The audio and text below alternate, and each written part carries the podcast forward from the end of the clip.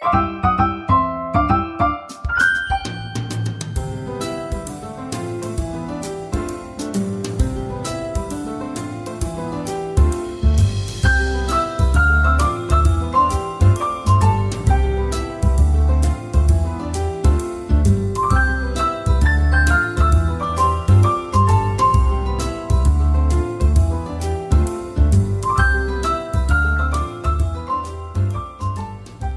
Goeienaand maats, dis Maandag en weer tyd vir julle eie storieprogram Opskit. Baie welkom.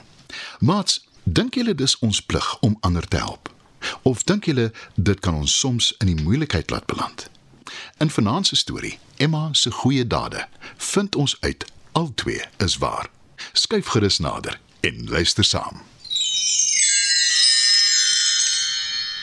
Eenmal Lank gelede, in 'n land ver hier vandaan, was daar 'n meisie. Haar naam is Emma, wat baie arm is, maar ook baie fliks. Sy werk altyd hard om haar gesin te help. Haar heel eerste werk is om die mense wat naby haar dorpie bly, se beeste op te pas. Eenmiddag laat, toe die son al begin ondergaan en sy besig is om die beeste aan te jaag terug huis toe, hoor sy 'n geluid agter 'n bos langs die pad. Toe sy gaan kyk wat dit is, sien sy dis 'n leeu met 'n doring in sy poot. Sy kyk bang na die dier, want sy wil nie hê hy moet haar aanval nie. Maar sy weet ook sy moet hom help, want sy kan sien hy het baie pyn. My naam is Emma en ek gaan jou help. sê sy bangerig. Die leeu kyk dankbaar na haar en sê: Uh, dankie. Uh, Moenie bang wees nie. Ek sal niks aan jou doen nie. Emma vat die leeu se poot en trek die doring versigtig uit. Hy lek sy poot, kyk na haar en sê: Baie dankie, Emma.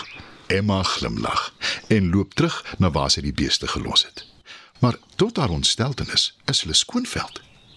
Sy loop hartseer terug om vir die inwoners van die dorp te vertel dat sy hulle beeste verloor het. Almal is baie kwaad vir haar en hulle besluit dat sy van nou af die donkies moet oppas. 'n Hele ruk gaan verby en Emma kyk baie goed na die donkies. Maar toe, op 'n dag, teen sononder, hoor sy weer 'n geluid in die bos langs die pad op pad terug huis toe met die donkies. Toe sy gaan kyk, sien sy dat dit dieselfde leeu is en dat hy weer 'n doring in sy poot het. Emma huiwer 'n oomblik. Maar toe trek sy weer die doring uit die dier se poot. Weer lek hy sy poot en bedank haar vir haar goeie daad. Maar ongelukkig, toe sy die donkie soek, is hulle ook nes die beeste nêrens te sien nie. En weer moet Emma vir die dorp se mense gaan vertel dat sy hulle diere verloor het. Die slag kry sy varke om op te pas. Weer gaan daar 'n hele ruk verby en alles gaan goed. Maar toe kom sy dieselfde leeu teen son onder tee wat nog 'n slag 'n doring in sy poot het. Emma dink na. Sy wik en weeg, maar sy kry die arme leeu so jammer dat sy toe maar weer die doring uit die poot haal. En ja, weer is die diere wat aan haar sorg is, die varke, almal weg. Maar Emma is die keer vasberade om uit te vind hoe die diere so skoon veld verdwyn. In plaas daarvan om huis toe te gaan, klim sy in 'n hoë boom en beskou die wêreld om haar. Sy bly die hele nag in die boom, maar sy sien nie die leeu die bos verlaat nie. Sy vind dit baie vreemd.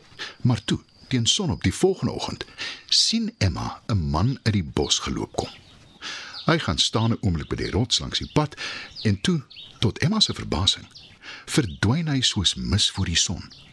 Die een oomblik is hy nog langs die rots, maar die volgende oomblik is hy skoonveld, Dit is baie vreemd. sê Emma hardop vir haarself. Sy besluit om die res van die dag ook in die boom deur te bring in die wêreld te bespied. Maar tot haar teleurstelling gebeur daar absoluut niks nie. Dis te sê totdat die son ondergaan, want toe verskyn die leeu skielik langs die rots en stap die bos in. Emma dink goed na en toe sê sy vir haarself: Ek het 'n jong man by die rots sien verdwyn gisterand en vanoggend het hy skielik weer verskyn, asof uit die niet. Sy klim uit die boom en ondersoek die rots. En tot haar verbasing sien sy 'n gat daarin. Sy dink 'n oomblik na en toe klim sy in die gat. Skielik is sy binne in 'n yslike plek. En sy weet sommer dadelik, dis 'n reushuis. Emma kyk rond en sien die jong man voor haar staan. Jy is Emma. Jy is die meisie wat die dorings uit my voet getrek het. sê hy. Emma kyk verbaas na die jong man. Toe sê sy: Nee, ek het die dorings uit 'n leeu se poot getrek. En jy is 'n jong man, nie 'n leeu nie. Ek is bedags 'n jong man, maar wanneer die son sak, is ek 'n leeu. verduidelik die jong man. Hy vertel Emma dat die reus wat in die huis bly hom getoer het en dat die reus die een is wat al die diere gesteel het. Maar hoekom doen hy dit? Hoekom steel hy die diere? Wil Emma weet, Dit maak hom kwaad wanneer jy my help. verduidelik die jong man verder. Hy kyk benoud rond en waarsku. Dis beter as jy liewer nou gaan. Dis nie veilig hier nie. Die reus kan enige oomblik terugkom. Maar Emma is 'n dapper meisie en sy wag dat die reus terugkom. Die oomblik toe hy sy huis instap, sê sy: Hoekom het jy die arme jong man getoer? Ek dring aan daarop dat jy hom dadelik bevry en dat hy nie weer in 'n leeu verander nie. Die jong man kyk bewerig toe. Maar die reus is beïndruk deur Emma se dapperheid en hy sê: Nou goed, ek sal hom bevry, maar op een voorwaarde. Jy gaan na die paleis toe aanderkant die berg en jy maak vir my 'n jas van die prinses wat daar bly se hare. Dis vir Emma 'n vreemde versoek. Maar om die jong man te help, stem sy in. Maar sy het ook 'n voorwaarde. Sy wil die dorp se diere wat die reus gesteel het, terug hê. Die reus stem in en Emma vertrek na die paleis toe.